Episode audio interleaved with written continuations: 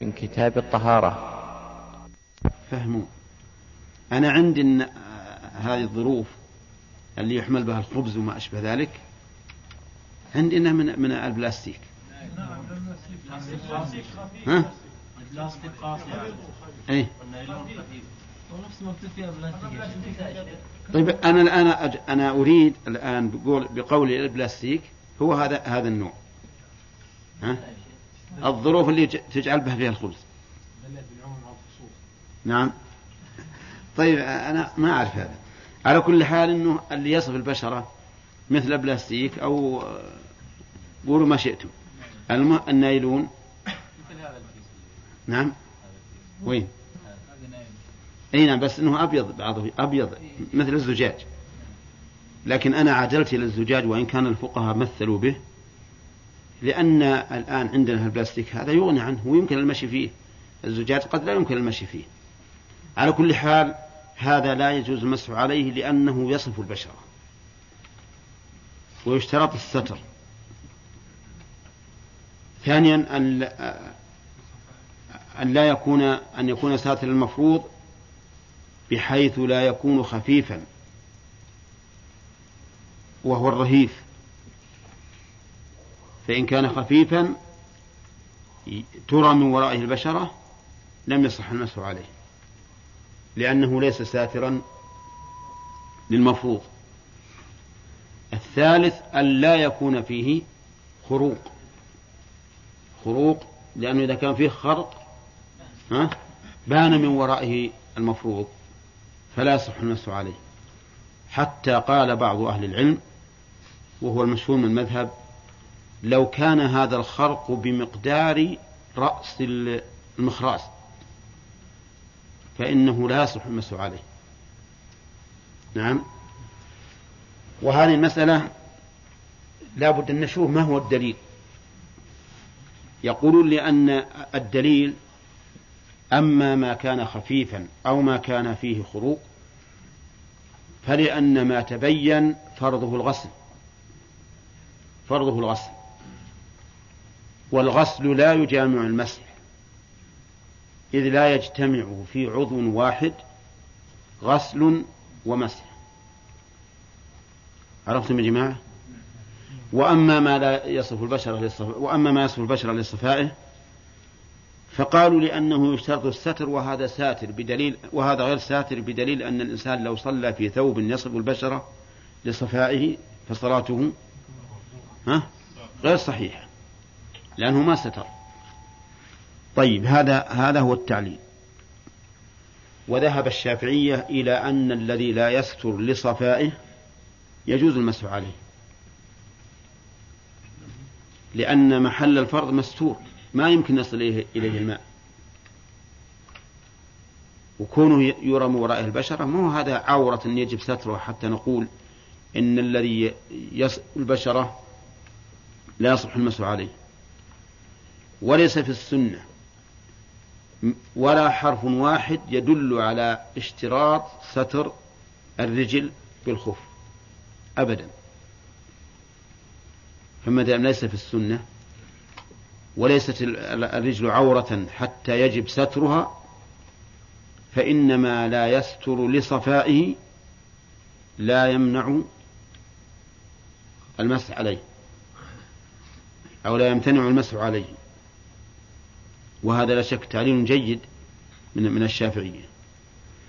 وقال بعض أهل العلم إن هذا ليس بشرط. أصل هذا الشرط ساقط. فلا يشترط أن يكون ساترا للمفروض. واستدلوا لذلك بأن النصوص الواردة في جواز المسح على الخفين مطلقة. وما ورد مطلقا فإنه يجب أن يبقى على إطلاقه. وأي أحد من الناس يضيف إليه شرطا آخر فعليه الدليل. وإلا فيجب أن نطلق ما أطلقه الله ورسوله ونقيد ما قيده الله ورسوله. ولأن كثيرا من الصحابة كانوا فقراء وغالب الفقراء لا تخلو خفافهم من من خروق. وإذا كان هذا غالبا في قوم في عهد الرسول عليه الصلاة والسلام أو كان كثيرا وإن لم يكن غالبا ولم ينبه عليه الرسول عليه الصلاة والسلام دل ذلك على أنه ليس بشرط. وهذا اختيار شيخ الإسلام ابن تيمية. أنه لا يشترط أن يكون ساترا للمفروض. أولا لأن لأنه لا دليل على ذلك والنصوص مطلقة فيجب إطلاق ما أطلقه الله ورسوله. ثانيا أن كثيرا من الصحابة خفاف فقراء وغالب الفقراء تكون خفافهم فيها خروق ما تخلو من خروق غالبا. وإذا كان هذا موجودا في عهد الرسول عليه الصلاة والسلام ولم ينبه عليه دل على أنه ليس بشرط. يبقى علينا الآن الرد على تعليلهم. نقول قولكم إنما ظهر فرضه الغسل فلا يجامع المسح. هذا مبني على على قولكم بأنه لا بد من ستر المفروض.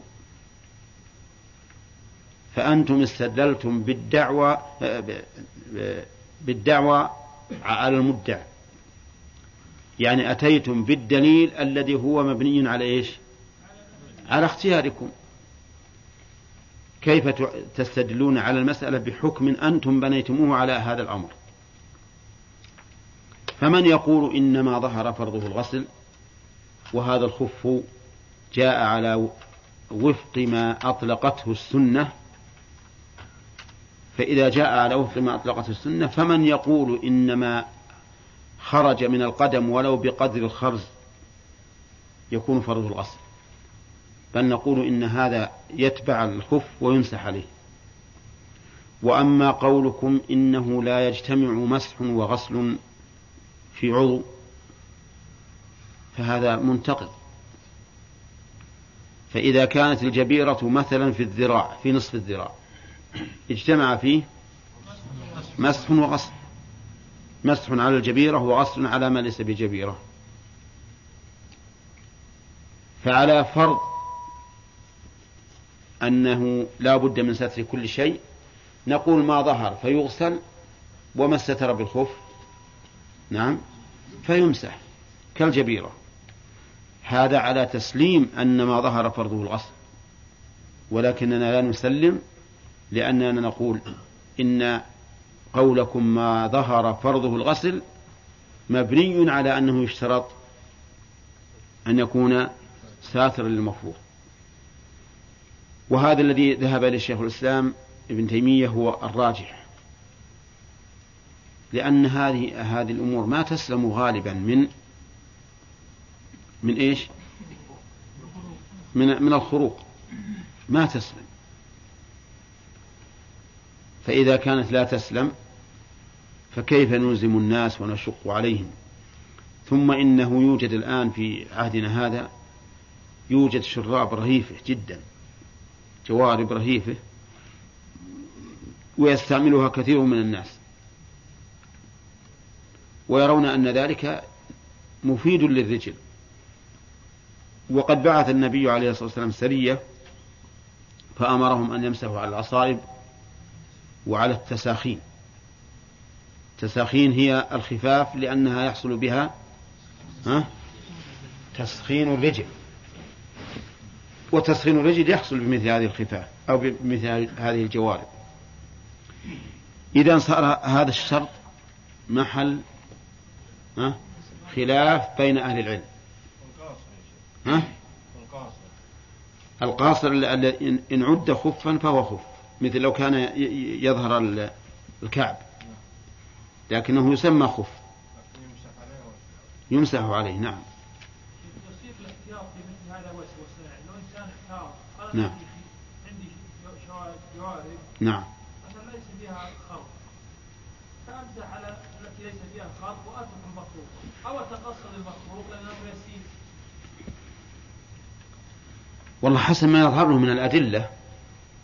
أقول حسب ما يظهر من الأدلة. إن كانت إن كان الرجحان عنده بينا فلا حاجة للاحتياط.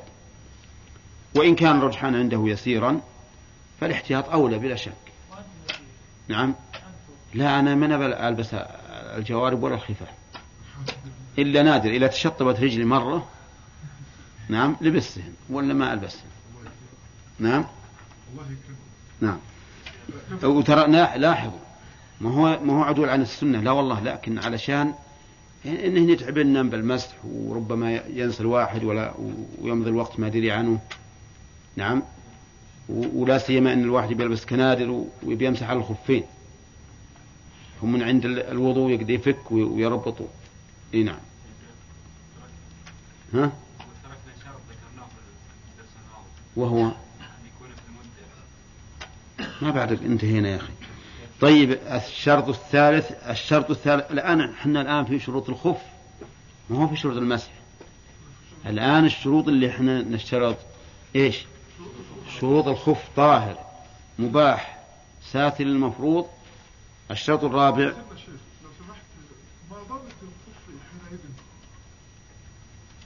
أي نعم. الخف كل ما يلبس على الرجل من جلود أو كتان. أو صوف أو غيره لتدفئتها فهو من, من, من يعتبر خفا. ولا الأصل أن الخف ما كان من جلد والجورب ما كان من غير الجلود.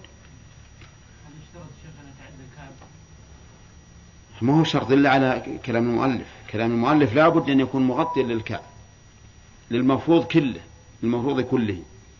الشرط الرابع يثبت بنفسه. يثبت بنفسه بمعنى إنه ما ما ينطلق عندما تمشي فيه.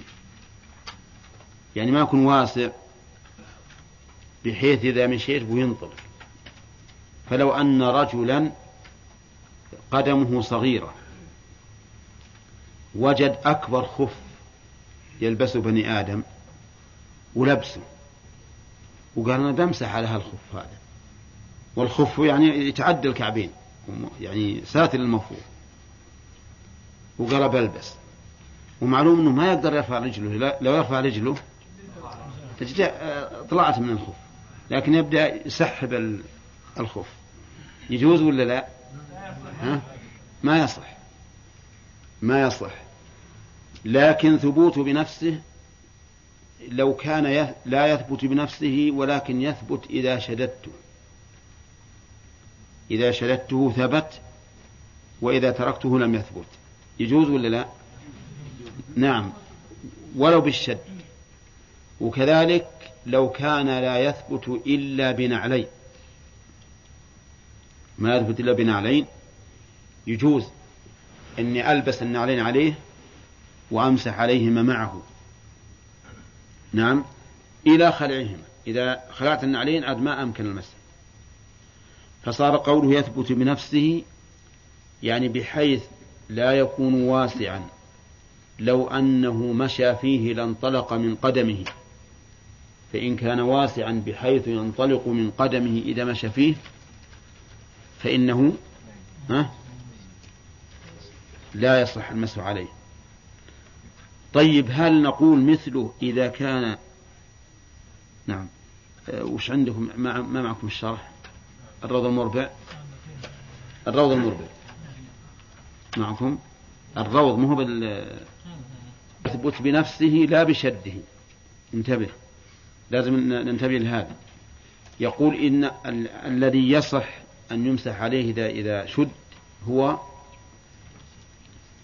أن يكون ساترا للمفروض. لو كان غير ساتر للمفروض لكن إذا لا يمت بعضه على بعض ستر يقول إنه لا بأس به. أما هذا إذا كان لا يثبت إلا بالشد يقولون إنه لا يصح المسح عليه. لكن إذا كان يثبت بالنعلين فإنه يمسح عليه إلى خلعهما فقط. إذا خلعهما ما يمسح. إذا يثبت بنفسه نعيد الشرط مرة ثانية. يثبت بنفسه أو بنعلين إلى خلعهما. فإن كان يثبت بشده فهو على المذهب ها؟ لا يجوز. يعني لو فرض واحد رجل صغيرة ولبس خفا واسعا لكنه ربطه برجله بحيث يمشي ولا يسقط. يقولون إنه لا يصح المسح عليه. ولكن الصحيح أنه يصح المسح عليه. ودليلنا في ذلك هو أن النصوص الواردة في المسح على الخفين ها مطلقة. فما دام يمكن أن ينتفع بهذا ويمشي به فما المانع؟ قد يكون الإنسان ما عنده إلا هذا الخف الواسع. أنتم لا تقيسوا الأمور بحالتنا اليوم. الحمد لله اليوم كل يستطيع الإنسان يجيب ما يريد. لكن لو فرض هذا الرجل قدمه صغيرة وليس عنده إلا خف والده كبير, كبير القدمين. أبوه كبير القدمين وله خف واسع وهو صغير القدمين. ولا عنده إلا هذا الخفاف وقال أنا إذا لبسته وشددته مشيت وإن لبستها ولم أشدها سقطت من قدمي وجاء يستفتي. ماذا نقول له؟ نقول على المذهب لا يجوز. وعلى القول الراجح يجوز. ووجه رجحانه أنه لا دليل على هذا الشرط. فإذا قال قائل ما هو الدليل؟ نقول الدليل عدم الدليل. الدليل عدم الدليل. أي نعم. أي نعم. أي نعم. ما يصح. أي نعم. لأنهم يرونه لابد بنفسه. لابد بنفسه أو بناء عليه. نعم. أي. يصح. لو فرض أنها مطاطة يعني قصدك ولا بعضها على بعض فهو يصح لكن إذا كان بشده ما يصلح. نعم.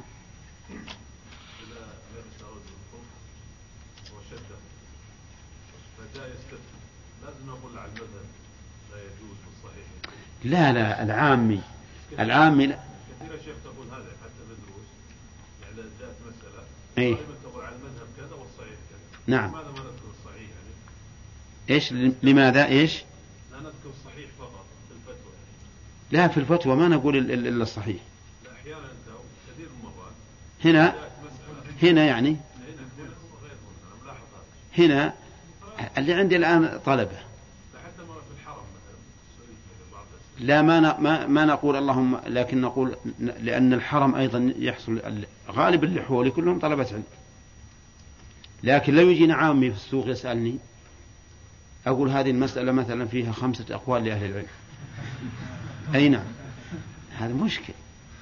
طيب حتى عند الطلبة ما تقول خمسة أقوال غالبا؟ تقول المذهب كذا والصحيح نعم. إذا كان فيها أقوال يعني متقاربة في- في الرجحان نذكرها. لكن قد يكون ما عدا القولين قد يكون ضعيف بالنسبة فلا أقول ما حاجة إني أقوله وأروح أجيب دليله وأرد عليه. طيب نقول يثبت بنفسه هذا الصحيح أنه ليس بشرط فإذا ثبت ولو بشده أو بملئه كما قال الأخ إبراهيم نعم جاز المسح عليه. قال من خف من حرف جر ومعناها التبيين. التبيين. وعلى هذا فهي بيان لقوله طاهر على طاهر من خف فالجار ومجرور هنا بيان آه، لطاهر. ومن البيانية إذا جاءت فإن الجار ومجرور يكون في موضع نصب على الحال. يعني حال كونه من خف وجورب الخف واضح. وما يكون من الجلد. وأما الجورب فهو ما يكون من غير الجلد من الخرق وشبهها. فيجوز المسح على هذا وعلى هذا. وذلك إما بالقياس وإما بالعموم اللفظي كما في حديث أن يمسحوا على التساخين فإن التساخين يعم كل ما يسخن الرجل وإما بالقياس على الخف إذ لا فرق بينهما في حاجة الرجل إليهما والعلة فيهما واحدة. فإذا قال قائل ما الدليل على جواز المسح على الجوارب؟ نقول الدليل من السنة إما بالقياس فيكون هذا من باب الشمول المعنوي وإما بالعموم اللفظي كما في حديث أن يمسحوا أن يمسحوا على التسخي. وأما الموق فإنه خف قصير. يمسح عليه أيضا. وقد ثبت عن النبي صلى الله عليه وسلم في, في هذا حديث أنه مسح على الموقين. قال وجورب صفيق. لماذا اشترط أن المؤلف أن يكون صفيقا؟ لأنه يشترط أن يكون ساترا للمفروض. وغير الصفيق لا يستر. وقوله صفيق هي صفة لجورب وليست صفة لخف. لماذا؟ لأن الخف لا يكون إلا صفيقا لأنه من الجلود. الجورب هو الذي يكون صفيقا وقد لا يكون. وقوله ونحوهما نحو بمعنى مثل يعني من كل ما يلبس على الرجل. كل ما يلبس على الرجل سواء سمي خفا أو جوربا أو موقا أو جرموقا أو غير ذلك فإنه يجوز المسح عليه لأن العلة واحدة. نعم.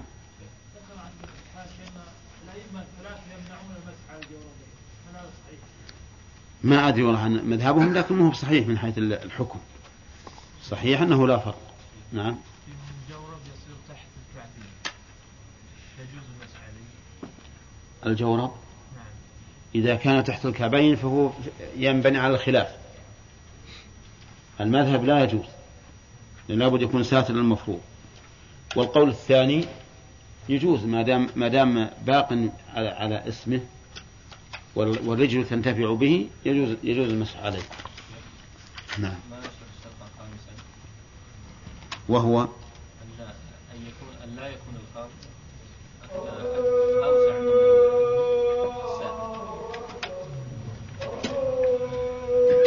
هو إذا كان الخرق أوسع من الساتر الظاهر أنه يخرج عن كونه خفا ما ما يسمى خف. يعني مثلا لو كان لو كان الشرابة هذه مشكوكة مرة نصفة. هذا معناه أنه إيه لا لا إذا كانت متفرقة لا بأس بها. أي نعم. لأنه يصدق عليه. أنه وعلى عمامة لرجل. هذا من الدرس الآن. وعلى عمامة يعني ويجوز المسح على عمامة. والعمامة ما يعمم به الرأس ويكور عليه. وهي معروفة. وقوله وعلى عمامة ما هو الدليل؟ الدليل حديث المغيرة بن شعبة رضي الله عنه. أن النبي صلى الله عليه وسلم مسح على عمامته وعلى الناصية والخفين.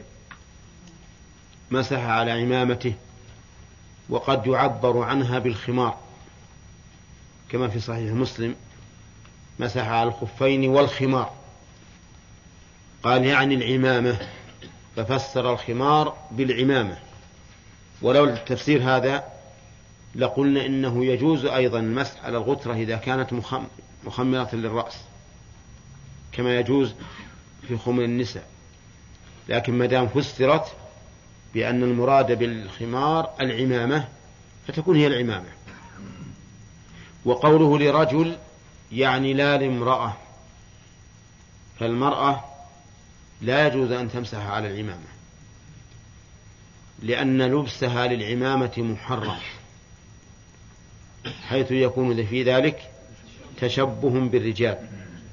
وقد ثبت عن النبي صلى الله عليه وسلم أنه لعن المتشبهات من النساء بالرجال. فعلى هذا يكون لبسها للإمام محرما ولا يجوز لها أن تمسح عليها. وهل يشترط في العمامة ما اشترط في الخف بأن يكون طاهرا ومباحا؟ الجواب نعم. لا بد من أن يكون طاهر العين وأن يكون مباحا. فلو اتخذ عمامة من حرير وهو رجل لا يجوز المسح عليها. ولو اتخذ عمامة من شيء فيه صور. نعم. لم يجوز المسح عليه. ولو اتخذت المرأة عمامة من حرير لأن الحرير يجوز للنساء كان ذلك جائزا. طيب الحرير يجوز المرأة. آه لكن عمامة ما تجوز. إي نعم هذه قد يغلط فيها طالب العلم. نعم ولهذا أنا قلت لكم قبل قليل عمامة من حرير لرجل. وكان متوقع أنكم تقولون وهل يمكن أن تكون عمامة للمرأة؟ نعم. لكن على كل حال لابد لرجل كلمة رجل في الغالب تطلق على البالغ. لكن ذكر لمن يقابل الأنثى ولو كان غير بالغ. ولكنه هنا ليس مرادا أعني ليس المراد لرجل بالغ.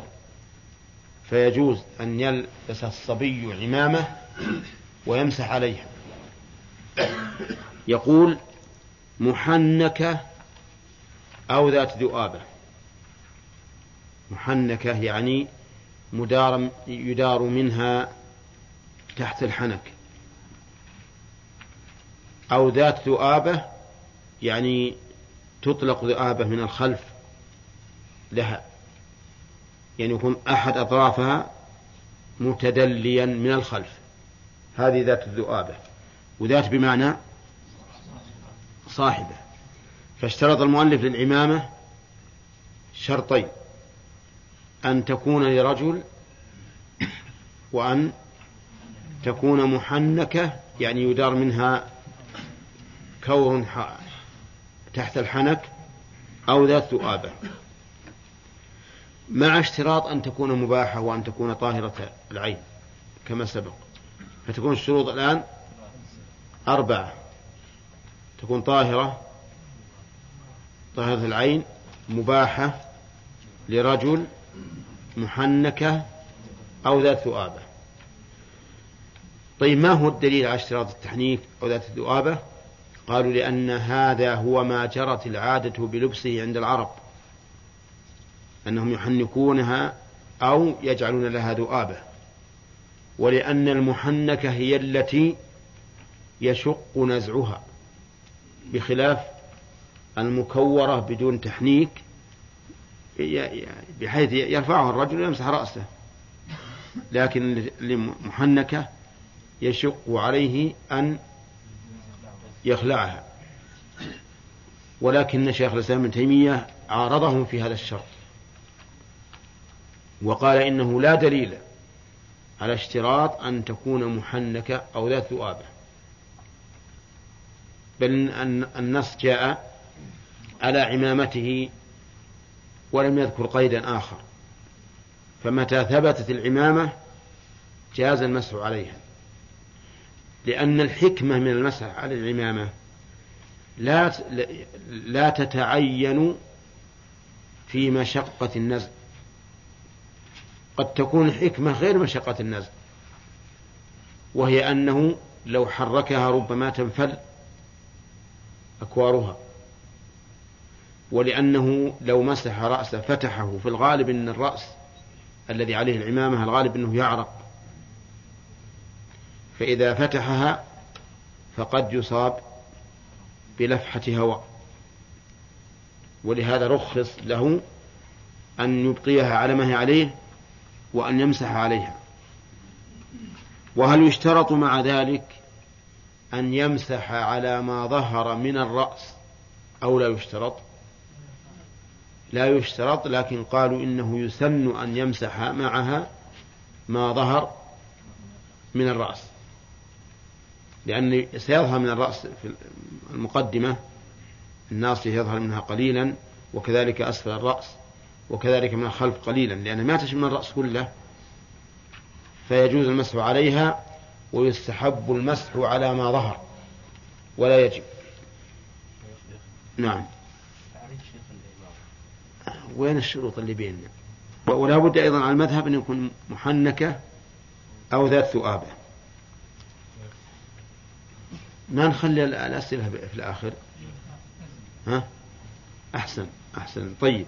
محنكة أو ذات ثؤابة وعلى خمر نساء. خمر جمع خمار. وهو, وهو مأخوذ من الخمرة وهي ما يغطى به الشيء. فخمر النساء ما تغطي بهن رؤوس رؤوسهن. ولكن اشترط المؤلف مدارة تحت حلوقهن. لا مطلقة مرسلة لا بد أن تدار تحت الحلوق. لأن هذه هي التي يشق نزعها ومسح الرأس فيها. وقد اختلف العلماء في جواز المسح مسح المرأة على خمارها.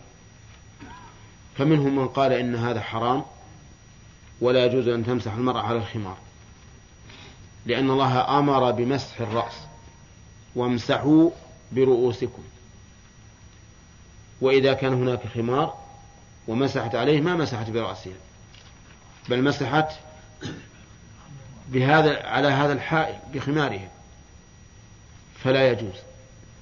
ومنهم من قال إنه جائز ولكن ليس هناك نصوص صحيحة في هذا في هذا الباب. لكن قاسوها على عمامة الرجل وقالوا إن الخمار للمرأة بمنزلة العمامة للرجل والمشقة موجودة في هذا وفي هذا.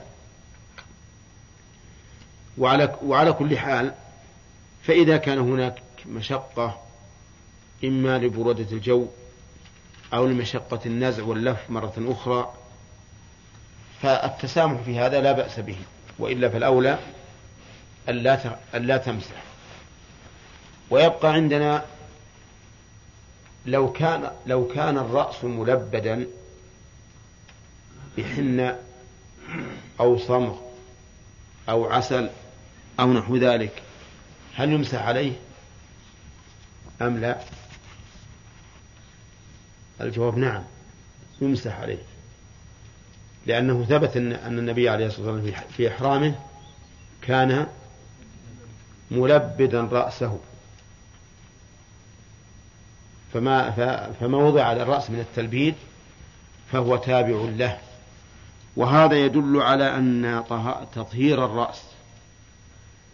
فيه شيء من التسهيل فيه شيء من التسهيل. وعليه فإذا كانت المرأة قد لبدت رأسها بالحنة كما يوجد ولا سيما في الزمن السابق فإنها تمسح عليه ولا حاجة إلى أنها تنقض الرأس وتحت هذا الحنة. وكذلك لو كان قد لو كانت شدت على رأسها ما يسمى تشد على رأسها حلي. وش يسمى الله تختلف الأعراف فيه. نعم. تسمى الهامة. الهامة لأنه حلي يوضع على الهامة. ما عاد يسمونه في عندكم؟ ها؟ ما تعرفونه. وأظن هذا شيء من الحلي. كبر اليد. كبر اليد. نعم. وفيه جواهر. ولؤلؤ ويوضع على الرأس هكذا وشد بشعر الرأس. يشد بالشعر. ويظفر. هذا يجوز المسح عليه ولا ما يجوز؟ نقول يجوز. لأننا إذا جوزنا المسح على الخمار فهذا من باب أولى. وقد يقال إن له أصلا وهو الخاتم. فالرسول صلى الله عليه وسلم كان يلبس الخاتم ومع ذلك فإنه قد لا يمكن أن الماء يدخل من بين الخاتم وبين وبين الجلد. فمثل هذه الأشياء قد يسامح فيها الشرع لا سيما أن الرأس من أصله لا يجب تطهيره بالغسل وإنما يطهر بالمسح فلذلك خفف به شق يا شيخ الخمر إيه.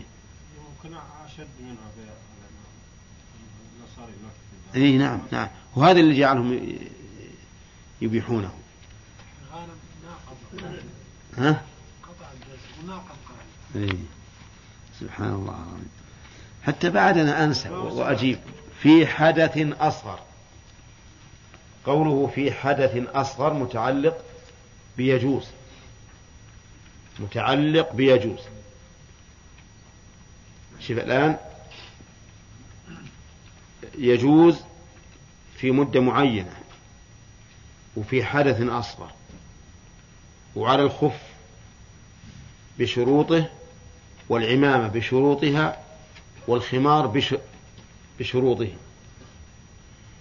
فالشرط العام الآن أن يكون الشروط العامة أن يكون في المدة المحددة شرعا وهي يوم وليلة. للمقيم وثلاثة أيام للمسافر. الثاني أن يكون في حدث أصغر. هذه اثنين. الثالث أن يكون الملبوس طاهرا. الرابع أن يكون مباحا. هذه أربعة عامة. في الشروط الخاصة في في في الخف. أن يكون ساتر المفروض ويثبت بنفسه. العمامة ما يشترط أن تكون ساترة المفروض والخمر في الغالب تكون ساترة للمفروض. نعم. من حدث بعد اللبس طيب ها؟ من حدث بعد اللبس لا هذا ابتداء المدة ما هو؟ ما له دخل. طيب بيجينا يقول في حدث أصغر. الحدث الأصغر هو ما أوجب الوضوء. ولكن ما هو الحدث؟ يقولون إن الحدث هو وصف إيش؟ قائم بالبدن يمنع الصلاة ونحوها مما تشترط له الطهارة. مو شيء محسوس لكنه وصف قائم بالبدن. يمنع الصلاة ونحوها مما تشترط له الطهارة وهو قسمان أكبر وأصغر فما أوجب الوضوء فهو أصغر وما أوجب الغسل فهو أكبر إذا هذه الثلاثة الخف والعمامة والخمر إنما إنما تمسح بماذا؟ في الحدث الأصغر فقط ما هو الدليل؟ الدليل حديث صفوان بن عسال رضي الله عنه. قال أمرنا رسول الله صلى الله عليه وسلم إذا كنا سفرا ألا ننزع خفافنا إلا من جنابه ولكن من غائط وبول ونوم. قال إلا من جنابه هذا الحدث الأكبر. ولكن من غائط وبول ونوم هذا الحدث الأصغر. فإذا لو حصل على الإنسان حدث أكبر وهو يمسح الخفين في المدة في مدة المسح هل يمسح أم لا؟ لا يمسح. لأن الحدث الأكبر ليس فيه شيء ممسوح لا أصلي ولا فرعي إلا الجبيرة كما سيأتي. أما في حال الاختيار ما في شيء ممسوح. حتى الشعر شعر الرأس يجب يجب أن يغسل. طيب في حدث أصغر وعلى جبيرة يعني ويجوز المسح على جبيرة. فيه ملاحظة. بعض العلماء يقول إن العمامة لا يشترط لها توقيت لأنه لم يثبت عن النبي صلى الله عليه وسلم أنه وقتها ولأن طهارة العضو التي هي عليه أخف من طهارة عضو الخف. فلا يمكن إلحاق هذا بهذا. وممن ذهب إلى هذا الشوكاني من الأوطار وجماعة من أهل العلم على أن العمامة متى كانت عليك فامسح. إذا لم تكن عليك فامسح الرأس ولا توقيت فيها. قال المؤلف وعلى جبيرة. جبيرة فعيلة بمعنى مفعولة ولا بمعنى فاعلة؟ ها؟ ما هي الجبيرة؟ عشان نعرف. في فاعل بمعنى فاعل وبمعنى مفعول. الجبيرة هي أعواد توضع على الكسر ثم يربط عليها ليتلاءم الكسر. هذه الجبيرة. وبدلها الآن الجبس. إذا كانت هذه هي الجبيرة تكون جبيرة بمعنى جابرة ولا بمعنى مجبورة؟ ها؟ بمعنى جابرة. هذا ما دمنا نريد نطلقها على الأعواد.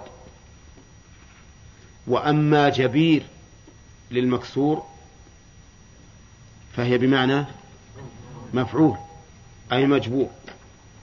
ويسمى الكثير جبيرا من باب التفاؤل كما يسمون اللديغ سليما.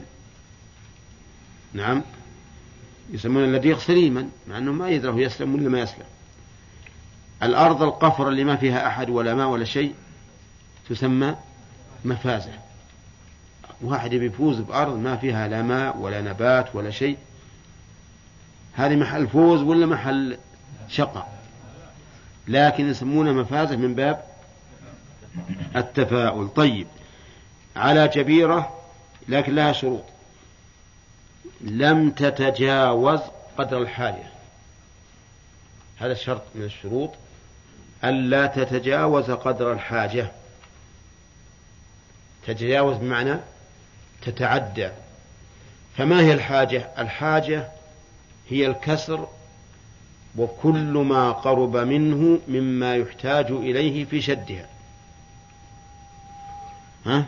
الكسر وكل ما قرب منه مما يحتاج إليه في شدها وليس الكسر فقط يعني الكسر فقط ما يمكن تنجبر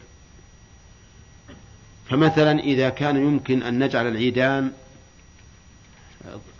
طولها شبر. أنا ما أعرف السنتي ولا ما سنت طولها شبر. نعم. ممكن نجعلها شبر وشوي ليش؟ لأنها زائد عن محل الحاجة. زائد عن محل الحاجة. إذا كان يمكن نجعلها آه، أربعة أصابع. يعني يمكن تنشد وتنضبط بأربعة أصابع. يمكن نجعلها خمسة. ما يمكن؟ ما يمكن. طيب. هل يجب أننا نأخذ أربطة دقيقة أو يجوز حتى في الأربطة الغليظة. ننظر إن احتاجنا الغليظة ربطنا بها. إن لم نحتاج أخذنا الدقيق. وعلى هذا فالحاجة نفسرها بماذا؟ هي موضع الكسر وما قرب منه مما يحتاج إليه في الشد. مما يحتاج إليه في الشد. لو كان كسر في الإصبع لكن يحتاج أن نربط كل الراحة علشان تستريح اليد. هل هذه حاجة؟ نعم حاجة. ما نقول والله الكسر في الإصبع لا لا لا لا تشد إلى الإصبع فقط. ما ما دمنا نحتاج إلى إلى شد هذا الكسر ف فكل حاجة لنا. الشرط الثاني يقول نعم لم تتجاوز الحاجة ولو في أكبر. ولو في أكبر. لو هنا إشارة خلاف أو رفع توهم. هي رفع توهم لأنه في الأول قال في حدث أصغر. ولو لم يقل ولو في أكبر لكنا نظن أنها لا يجوز المسح عليها إلا في في الحدث الأصغر. وهي يجوز المسح عليها في الحدث الأكبر والأصغر. والفرق أولا الدليل. الدليل حديث صاحب الشجة على القول بأنه حديث تثبت به الحجة وأنه حسن. فإن الرسول عليه الصلاة والسلام قال إنما كان يكفيه أن يعصر على خر... على جرحه خرقة ثم يمسح عليها. وهذا في الجنابة لأن الرجل أجنب. ودليل وتعليل هو أن المسح على الجبيرة من باب الضرورة. والضرورة لا فرق فيها بين الحدث الأصغر والأكبر بخلاف المسح على الخفين فهو رخصة. والجبيرة ضعيفة لكن يجبر بعضها بعضا وهي جبيرة فأدلتها ها مجبورة يجبر بعضها بعضا. ثم إنها يمكن أن نقيسها ولو من بعيد على المسح الخفين. فنقول إن هذا عضو مستور بما يجوز لبسه شرعا فيكون فرضه إيش؟ المسح. يكون فرضه المسح. ولكن هذا القياس فيه شيء من الضعف. لأن المسح الخفين رخصة مؤقت. وهذه عزيمة غير مؤقت.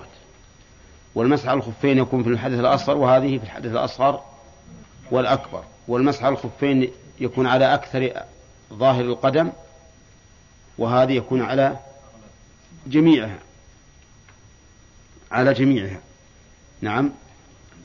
ففي القياس شيء من النظر. لكن من حيث الأصل وهو أن هذا العضو الواجب غسله ستر بما يسوغ ستره به شرعا فجاز المسح عليه كالخفين. ولأن المسح ورد التعبد به به من حيث الجملة. فإذا عجزنا عن الغسل انتقلنا إليه كمرحلة أخرى. وهذا الذي عليه جمهور أهل العلم.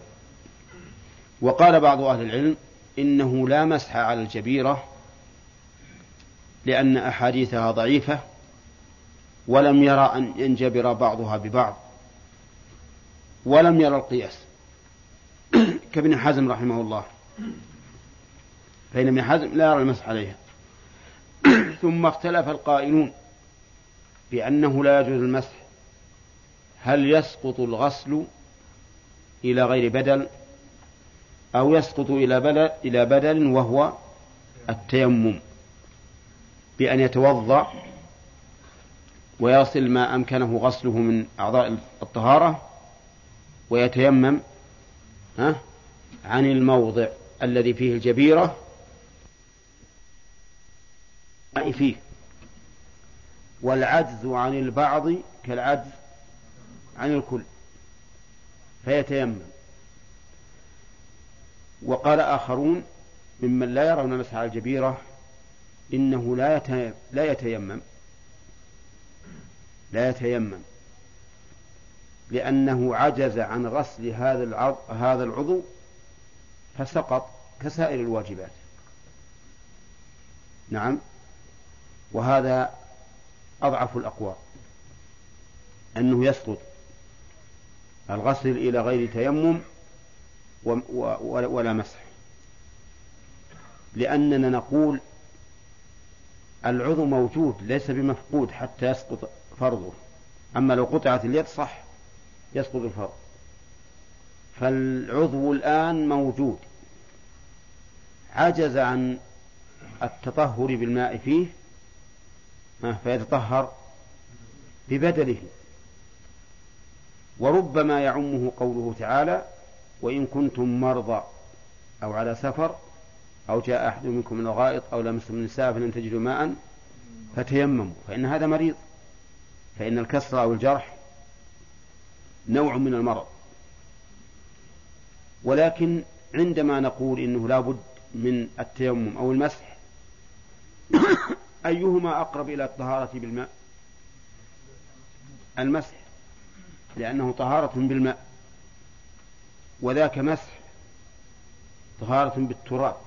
ثم إن التيمم أيضا قد يكون في غير محل الجبيرة لأن التيمم في الكفين والوجه فقط والجبيرة قد تكون في الذراع قد تكون في العضد قد تكون في الساق وقد تكون في الفخذ وقد تكون في البطن. نعم ممكن. فأقرب الأقوال هذه الثلاثة هو جواز المسح عليها. ولكن هل يجمع بين المسح والتيمم؟ قال بعض أهل العلم نعم. يجب. الجمع بين المسح والتيمم احتياطا. ولكن الصحيح أنه لا يجب الجمع بينهم لأن القائلين بوجوب التيمم لا يقولون بوجوب المسح ولا العكس. وكوننا نوجب طهارتين لعضو واحد خلاف القواعد الشرعية. ولا لا؟ لأنه يقول يجب تطهير هذا العضو إما بكذا وإما بكذا. أما أن نوجب تطهيره بطهارتين فهذا لا نظير له في الشريعة. ولا يكلف الله تعالى عبدا بعبادتين سببهما واحد. ف ولكن مع هذا يقول العلماء رحمهم الله إن الجرح ونحوه إما أن يكون مكشوفا أو مستورا. إما أن يكون مكشوفا أو مستورا. فإن كان مكشوفا فالواجب غسله بالماء فإن تعذر فمسحه مسح الجرح نفسه. فإن لم يمكن ولا المسح تعذر حتى المسح فالتيمم. وحينئذ يكون للجرح أو الكسر المف... آه، المكشوف كم حالة؟ ثلاث حالات يعني مراتب. المرتبة الأولى الغسل المرتبة الثانية المسح المرتبة الثالثة التيمم على الترتيب. على الترتيب. أما إذا كان مستورا بما يسوغ ستره به فإنه ليس فيه إلا المسح فقط. قد يضره المسح حتى ولو كان مستورا ربما يضره المسح. نعدل إلى التيمم كما لو كان مكشوفا. هذا ما ذكره العلماء في هذه الفقهاء رحمهم الله في هذه المسألة. يقول رحمه الله ولو في أكبر لو ليست هنا إشارة خلاف ولكنها رفع توهم لما قال في العمامة والخمار والخفين في حدث أصغر أراد أن يرفع الوهم عن مسح الجبيرة هل يكون خاصا في الحدث الأصغر أو حتى في الأكبر فقال ولو في أكبر والفرق بين الحدث الأكبر والأصغر الأكبر ما أوجب الغسل والأصغر ما أوجب الوضوء. هذا الفرق بينهما نعم. وأيهما أغلظ؟ ها؟ الأكبر أغلظ. ولهذا يحرم على من عليه حدث أكبر ما لا يحرم على من حد عليه حدث أصغر كما سيأتي إن شاء الله تعالى في نواقض الوضوء. قال إلى حلها. يعني يمسح الجبيرة إلى حلها. وكسر ما وكسر الحاء لحن فاحش مغير للمعنى. ها؟ لأنه قال إلى حلها يعني الآن هي محرمة. وهذا يفسد المعنى. ولكنها إلى حلها أي إزالتها. أي إزالتها. ومتى تزال؟ تزال إذا برئ. يجب إذا برئ الجرح أن تزال. لو قال قائل بخليها مع برء الجرح قلنا هذا حرام ما يجوز. لأن السبب الذي من أجله جاز الوضع والمسح ها؟ قد زال. وإذا زال السبب انتفى المسبب. نعم. قال إلى حلها إذا لبس ذلك بعد كمال الطهارة. إذا لبس ذلك ذلك المشار إليه الأنواع الأربعة كلة. ها؟ الخف والعمامة والخمار والجبيرة. إذا لبسها بعد كمال الطهارة. قال بعد كمال. ولم يقل بعد الطهارة حتى لا يتجوز متجوز بكلمة الطهارة ويقول بعد كمال أكثر الطهارة بعد بعد بعد الطهارة أي بعد أكثرها. بل قال بعد كمال الطهارة. فلو أن رجلا عليه جنابة وغسل رجليه ولبس الخفين ثم أكمل الغسل, ما تقولون؟ يجوز ولا ما يجوز؟ ما يجوز. ليش؟ ما أكمل الطهارة. صحيح أن الرجلين طهرتا. الرجلين طهرتا لأن الجنابة ما فيها ترتيب. الغسل من الجنابة ما فيه ترتيب. لكن لم تكمل الطهارة. طيب. رجل آخر توضأ. غسل وجهه ويديه ومسح رأسه وأذنيه وغسل رجله اليمنى ثم أدخلها الخف. ثم غسل اليسرى فأدخلها الخف. ها؟ يجوز؟ أعرف كيف؟ هذا رجل توضأ غسل رجله اليمنى ثم أدخلها الخف ثم غسل اليسرى. ها هل يجوز ولا ما يجوز؟ طيب انتظر. إذا لبس ذلك بعد كمال الطهارة. هو لما لبس الخف اليمنى لبسه قبل أن يكمل الطهارة ما كمل الطهارة. وش باقي عليه؟ باقي عليه غسل اليسرى. فلا بد أن يغسل اليسرى قبل أن يدخل الرجل اليمنى الخف. أفهمتم؟ المؤلف يقول بعد كمال بعد كمال الطهارة. وهذا هو المشهور من المذهب وذلك لأن قوله صلى الله عليه وسلم فإني أدخلتهما طاهرتين. كلمة طاهرتين وصف للقدمين فهل المعنى أدخلت كل واحدة وهما طاهرتان؟ فيكون إدخالهما بعد كمال الطهارة. أو أن المعنى أدخلت كل واحدة طاهرة فيكون يكون الصورة اللي ذكرنا جائزة. يحتمل صحيح أنه يحتمل. ولذلك اختلف العلماء. فالمذهب كما رأيتم لا بد أن يكمل الطهارة قبل أن يلبس الخف. واختار شيخ الإسلام ابن تيمية رحمه الله أنه يجوز. إذا طهر اليمنى أن يلبس الخف ثم يطهر اليسرى ويلبس. وقال إنه إنه أدخلهما طاهرتين. وما أدخل اليمنى إلا بعد أن طهرها ولا أدخل اليسرى إلا بعد أن طهرها فيصدق عليه أنه أدخلهما طاهرتين. ولكن على المذهب لو فرض أن رجلا فعل هذا الفعل ماذا يصنع؟ نقول اخلع اليمنى ثم البسها.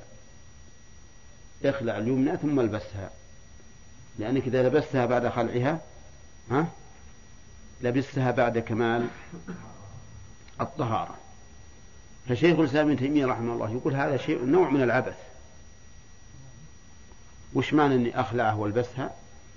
هذا لم يؤثر شيئا. ما دام تقولون لا يجب إعادة تطهير الرجل فقد حصل المقصود. لكن هناك حديث رواه أهل السنن أن النبي صلى الله عليه وسلم جعل للرجل إذا توضأ فمسح خفيه أن يمسح يوما وليلة. فقوله إذا توضأ ولبس خفيه قد يرجح المشهور من المذهب. لأن من لم يغسل الرجل اليسرى لا يصدق عليه أنه توضأ. وهذا ما دام هو الأحوط أيضا فسلوكه أولى. سلوكه أولى. ولا نجسر على شخص غسل رجله اليمنى ثم أدخل الخف ثم غسل اليسرى وأدخل الخف. لا نجسر أن نقول أعد صلاتك ووضوءك لكننا نأمر من لم يفعل ها؟ أن لا يفعل. نأمر من لا يفعل من لم يفعل أن لا يفعل. احتياطا. نعم. كيف نشأ؟ نعم. ما يضر هذا. هذا هذا بغير شيء معتاد. ولهذا تقدمنا أن لا ينشف العضو الذي قبله ها بزمن معتدل ما يكون سبب له. أما هذا هو اللي نشفه.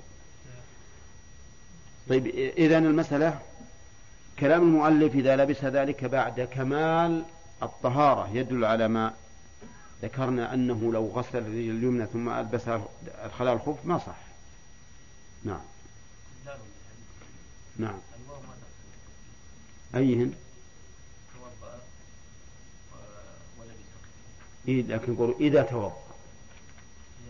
ما يصدق عليه أنه توضأ إلا بعد أن يكمل. نعم. لا على كل حال إحنا وش قلنا الآن؟ ها؟ إيش؟ كل حال قلنا آه، كوننا نلزم الإنسان أن يعيد صلاته إذا فعل هذا الفعل هذا شيء لا نستطيع ما نقدر عليه. لكن كنا نأمره أن لا يفعل هذا طيب. ونقول بدل ما أنك تلبسها أصبر انتظر دقيقة واحدة. حتى تغسل الرجل اليسرى والبس. ثم هو أحسن لك أيضا. أن لا تلبس حتى تنشف رجليك. لأنك إذا لبست على طول ها دخلت الرجل وهي رطبة يكون براد عليك ولا لا؟ يكون براد عليك تبرد وربما يحصل رائحة كريهة أليس كذلك؟ أي نعم كونك تبقى أحسن ها؟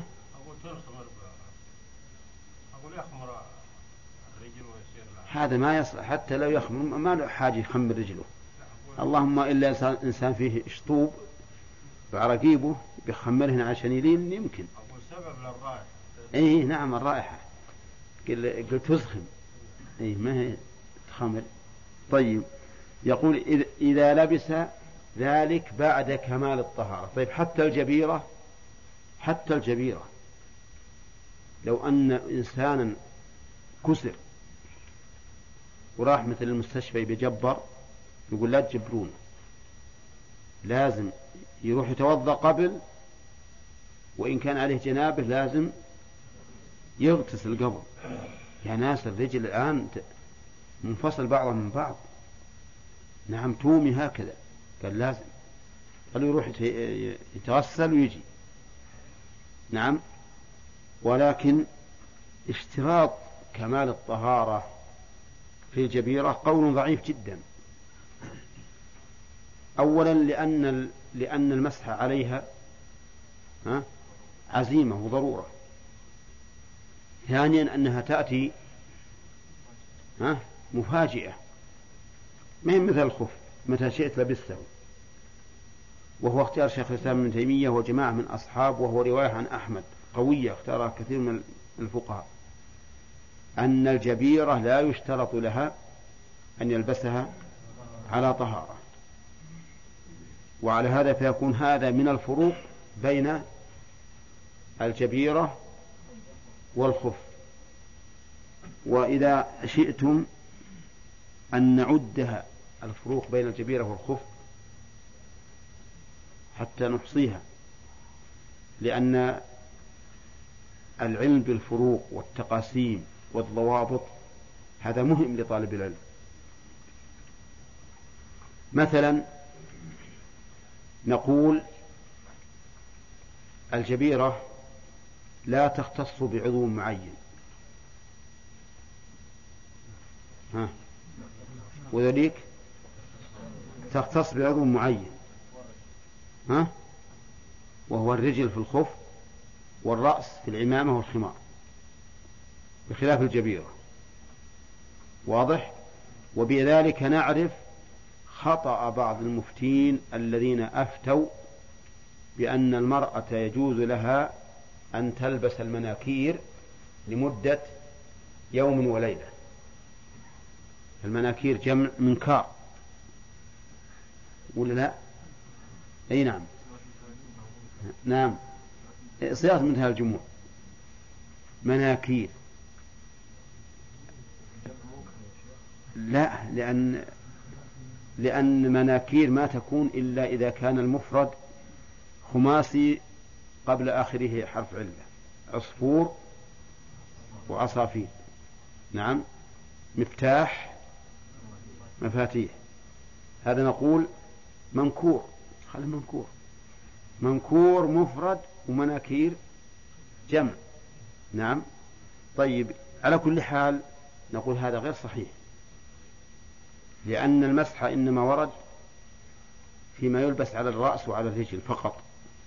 ولهذا لما لما كان الرسول عليه الصلاة والسلام في غزوة تبوك عليه جبة شامية أراد أنه كان أكمامه ضيقة أراد أنه يفسرها ليتوضأ عليه الصلاة والسلام ما استطاع.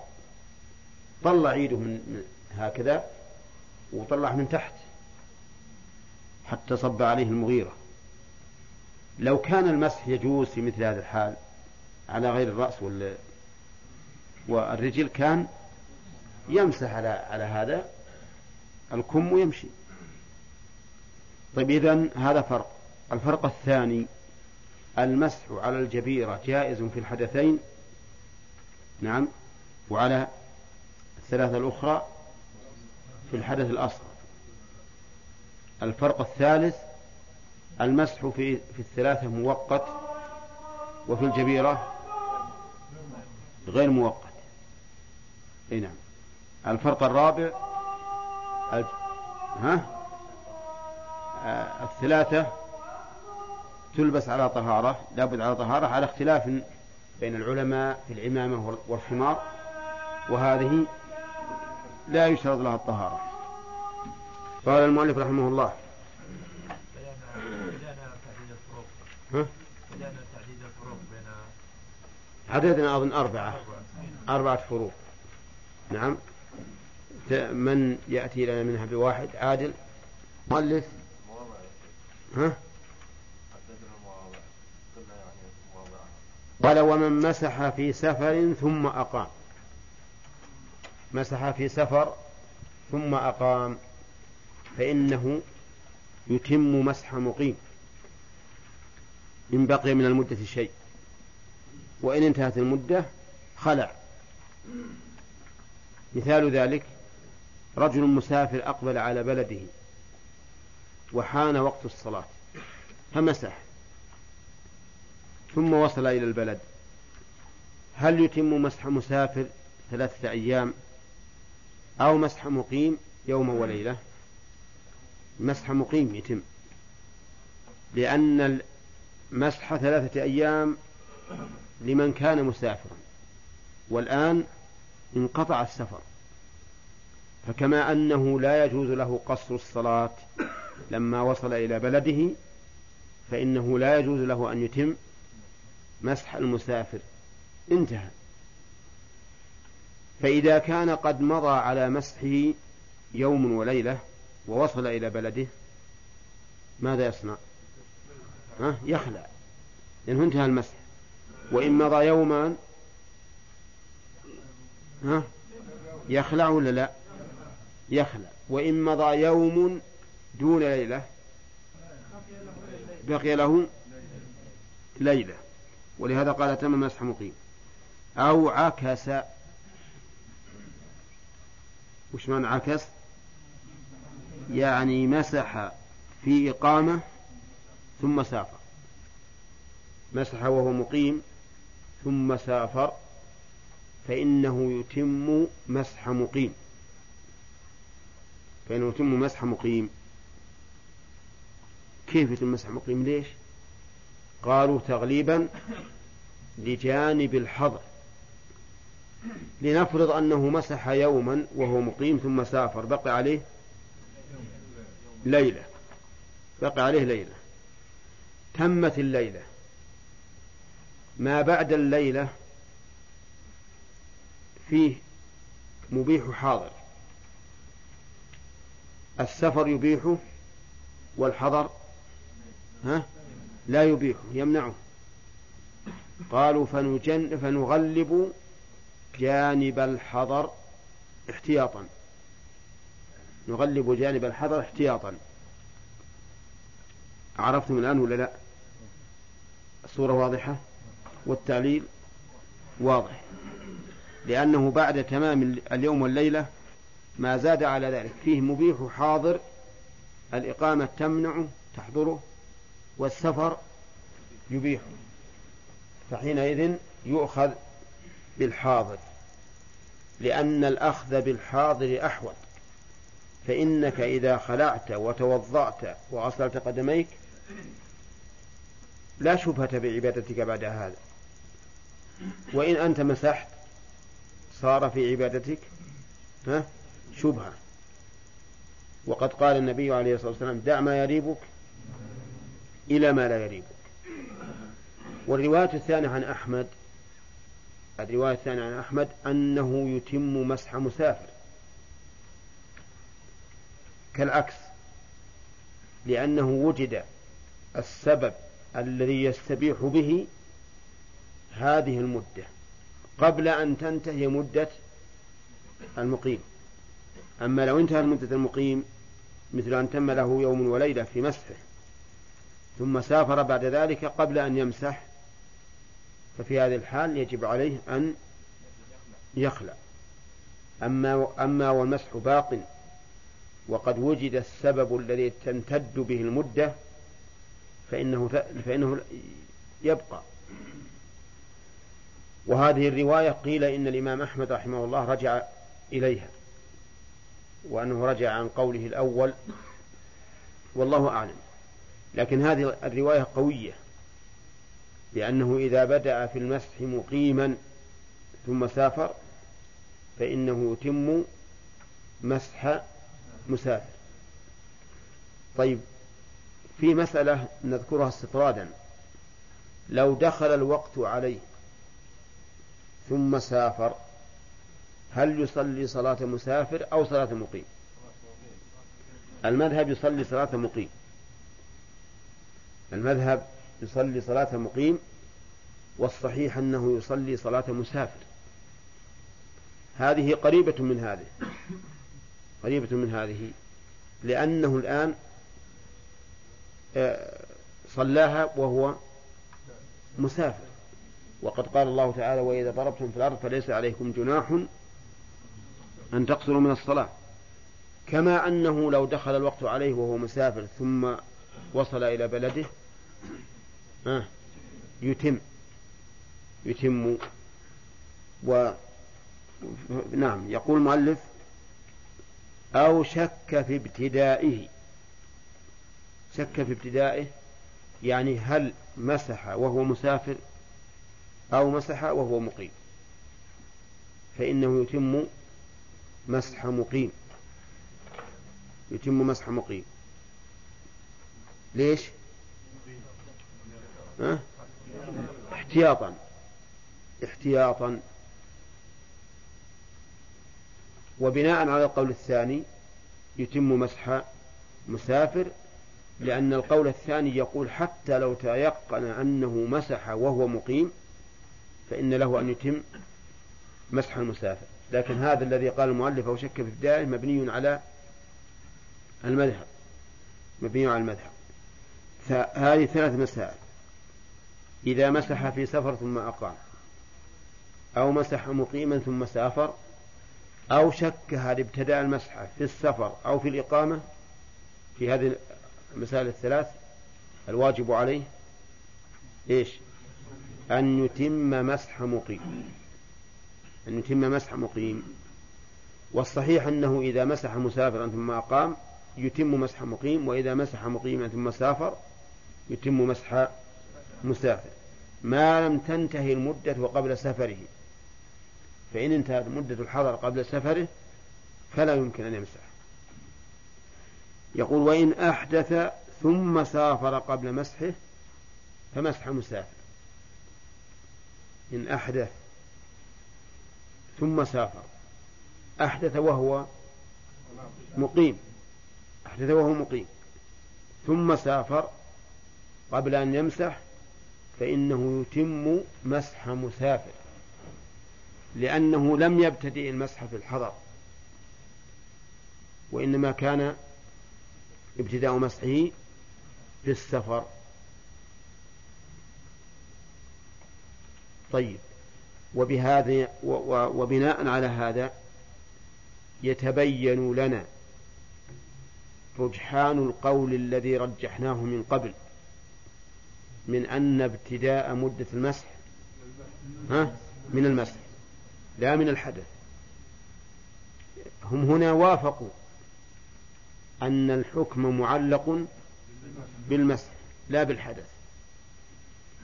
وهذا مما يرجح القول الذي أشرنا إليه من قبل ويلزم المذهب أو أصحاب المذهب رحمهم الله بأن يقولوا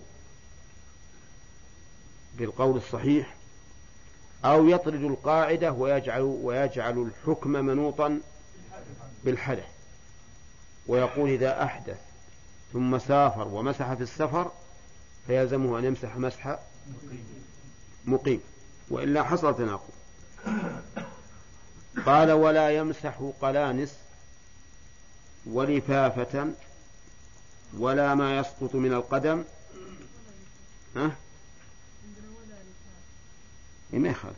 ولفافة ولا ما يسقط من القدم أو يرى منه بعضه.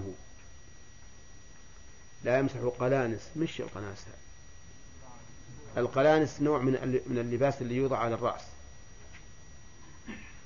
نعم. وهي عبارة عن طاقية كبيرة كبيرة شوي يلبسها الإنسان. ممكن أن نقول نقربها إلى الأذهان بالقبع. تعرفون القبع؟ ها؟ معروف القبع. شيء يلبس على الرأس من الصوف ويفتح للوجه. ها؟ يسمى طربوش وقحفية. نعم. المهم هذا الذي يلبس على الرأس. يقول المؤلف إنه لا يمسح القلانس. لماذا؟ لأن الأصل وجوب مسح الرأس عدل عن الأصل في العمامة لورود النص بها. فيبقى ما عداه على الأصل وهو وجوب مسح الرأس. لأن الله عز وجل يقول في القرآن وامسحوا برؤوسكم. فالحائل يمنع أن نمسح بالرأس. تستثنى العمامة ها؟ لورود النص بها. وعلى هذا فالقلانس لا تمسح. يخلعها الإنسان ويخلع عن رأسه ويمسح. وقال بعض الأصحاب رحمهم الله إنه يمسح القلانس. ولا ولا حرج.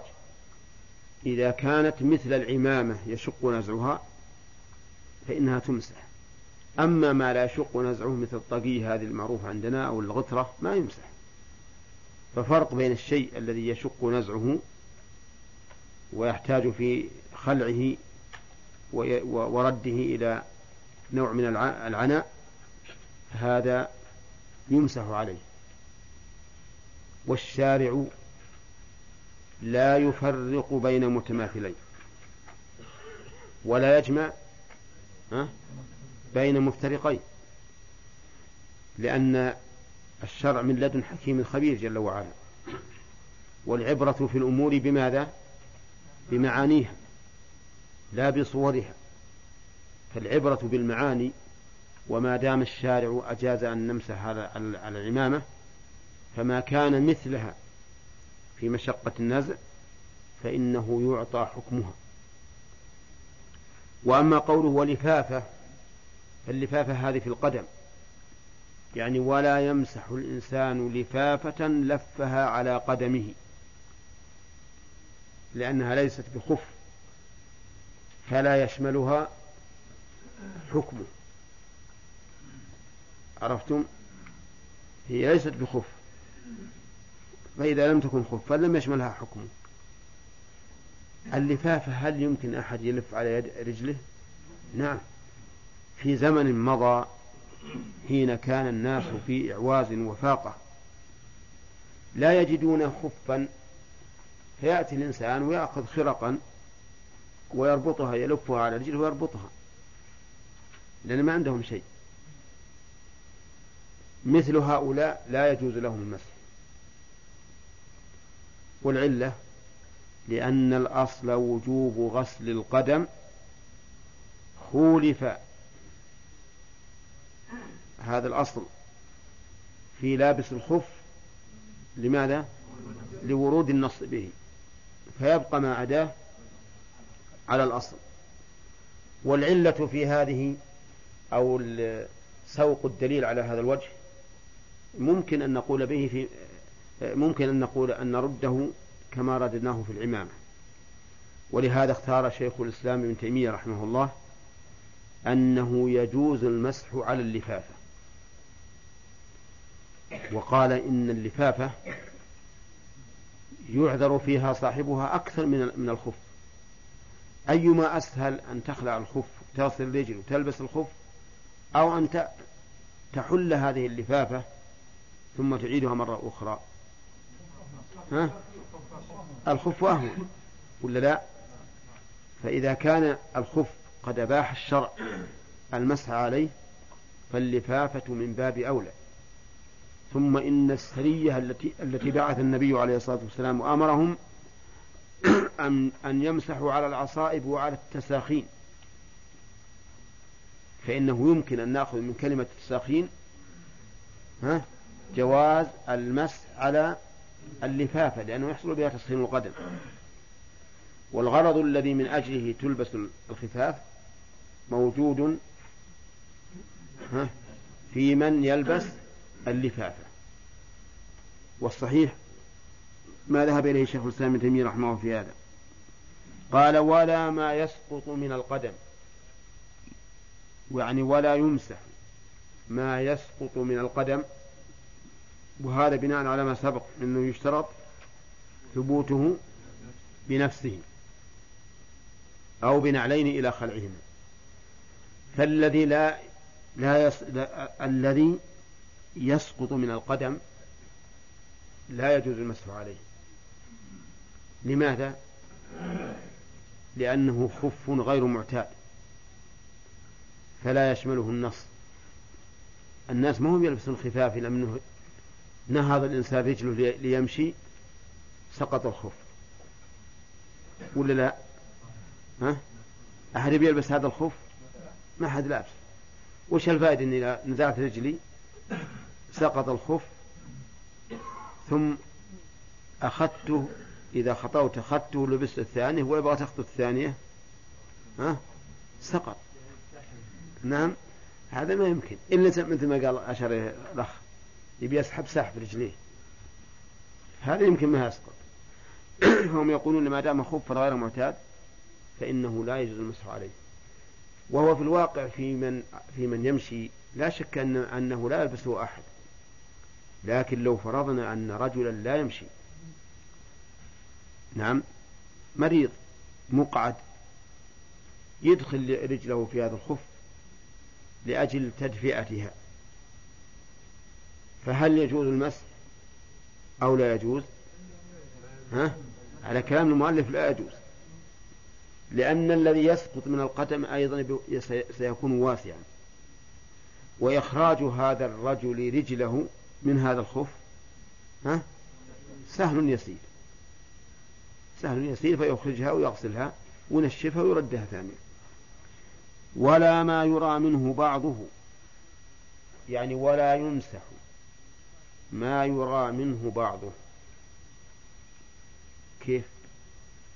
يعني إذا كان الخف يرى منه بعض القدم فإنه لا يمسح. ولو كان البعض قليلا؟ نعم. وهذا مبني على ما سبق من اشتراط أن يكون الخف ساترا للمفروض. فإذا كان يرى منه بعض القدم فإنه لا يمسح. وسواء كان يرى من وراء حائل أو يرى من دون حائل. كيف يرى من وراء حائل؟ مثل أن يكون خفيفا أو يكون زجاجا. لو فرض أن هذا الخف في مثلا على قدر العين زجاجة. شوف الخف من ورائه لكنه حائل. القدم في الخف في الخف شيء على قدر العين من الزجاج. القدم يرى من ورائه ولكنه حائل ولا غير حائل؟ حائل. فعلى المذهب لا يجوز المسح عليه. لا يجوز عليه وسبق لنا الخلاف في هذه المسألة وأن الصحيح جواز ذلك للإطلاق. ثم انتقل المؤلف إلى مسألة تقع كثيرا. قال فإن لبس خفا على خف قبل الحدث فالحكم للفوقان. هذا يقع ولا ما يقع؟ يقع. مثل الشراب والكنادر. الشراب والكنادر هذا خف على خف. ونحن أولا نبحث هل يجوز المسح عليهما؟ قبل أن نعرف هل المسح على الأعلى ولا على الأسفل. هل يجوز المسح عليهما أم لا؟ إن كانا مخرقين لم يجوز المسح عليهما على المذهب. ولو سترا لأن كل واحد منهما لو انفرد لم يجوز المسح عليه فلا يمسح عليهم مثاله مثل لبس شرابتين. واحدة مخروقة من الأسفل وواحدة مخروقة من الأعلى. الآن الستر حاصل ولا غير حاصل؟ حاصل. لكن لو انفرد كل واحدة لو انفردت كل واحدة منهما لم يجوز المسح عليها فلا يجوز المسح عليهم لا على الأعلى ولا على الأسفل. كذا؟ طيب. لو كانت إحدى لا لو كانا صحيحين. لو كان الخفان صحيحين. ها؟ جاز المسح عليهما؟ واضح. لأن كل واحد منهما لو انفرد جاز المسح عليه. لو كان أحدهما سليما والآخر مخرقا ها؟ يقولون إنه يجوز المسح عليهما يجوز المسح عليهما ها؟ لأنه حصل الستر وأحدهما لو انفرد ها؟ جاز المسح عليه فيجوز المسح عليهما في هذه الحال فصار الآن إما أن يكون مخرقين أو سليمين أو الأعلى سالما والأسفل مخرقا أو بالعكس. فيجوز المسح في ثلاث صور. إذا كان سليمين وإذا كان الأعلى سليما والأسفل مخرقا أو بالعكس. في هذه الصور الثلاث يجوز المسح. وإذا كان مخرقين لم يجوز المسح. إذا كان مخرقين. والصحيح أنه يجوز المسح عليهما مطلقا بناء على أنه لا يشترط ستر محل الفرض ما دام اسم الخف باقيا. طيب إذا لبس خفا على خف فهل الحكم للأعلى؟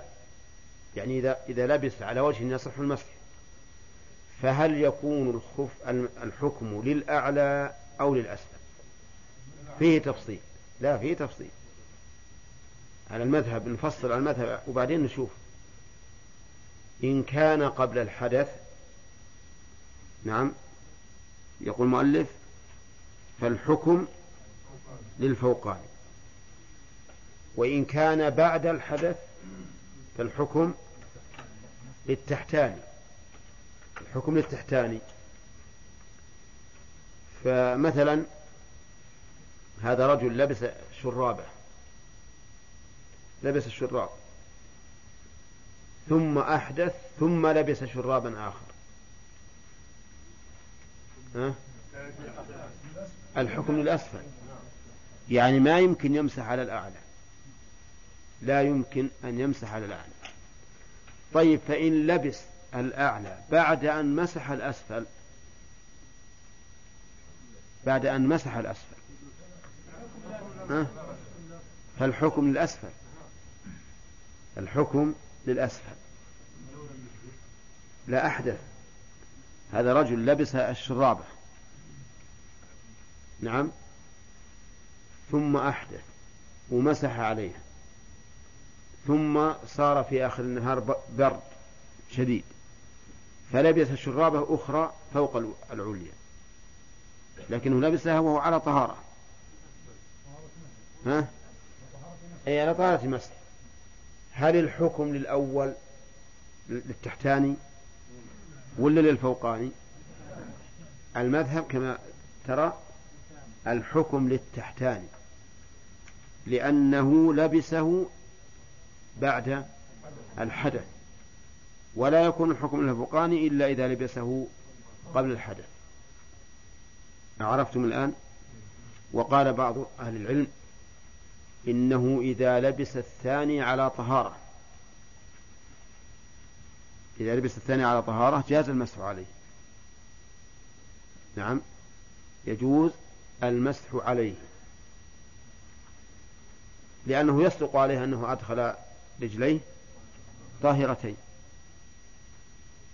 فإذا كان يصدق عليه فالحديث دعهما فإني أدخلتهما طاهرتين. والأصحاب رحمهم الله نصوا على أن المسح على الخفين رافع للحدث. ما هو كالتيمم مبيح على رأيهم يقولون إن المسح على الخفين رافع للحدث. فالآن لبس الخف الثاني على طهارة تامة. فلماذا لم يمسح؟ وهذا القول قوي جدا لأن علته ظاهرة. أما لو لبس الثاني وهو محدث فإنه لا يمسح لأنه لبسه على غير طهارة. طيب هل نعم الأخيرة بعد أن مسح الأول أحدث ثم لبس الثاني وهو محدث فحين فلا لا يمسح الآن لأنه لبسه على غير على غير طهارة. نعم. الحكم للفوقان.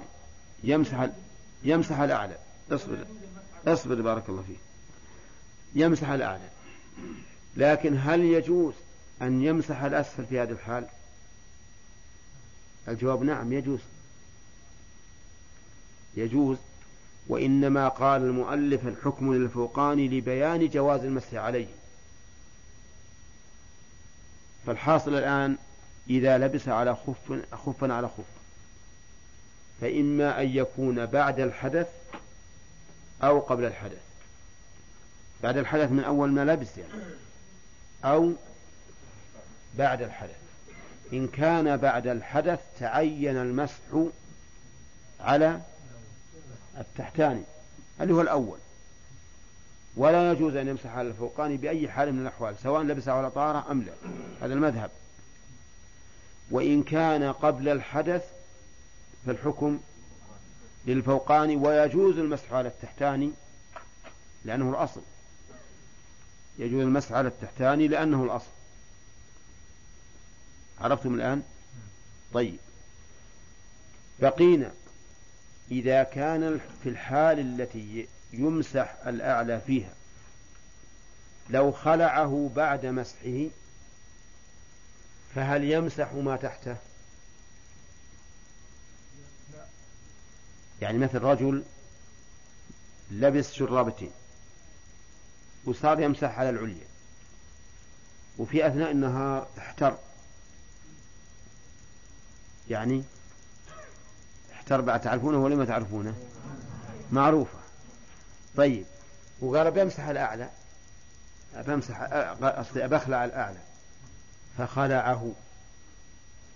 خلعه. هل له أن يمسح التحتاني أو لا؟ المذهب لا.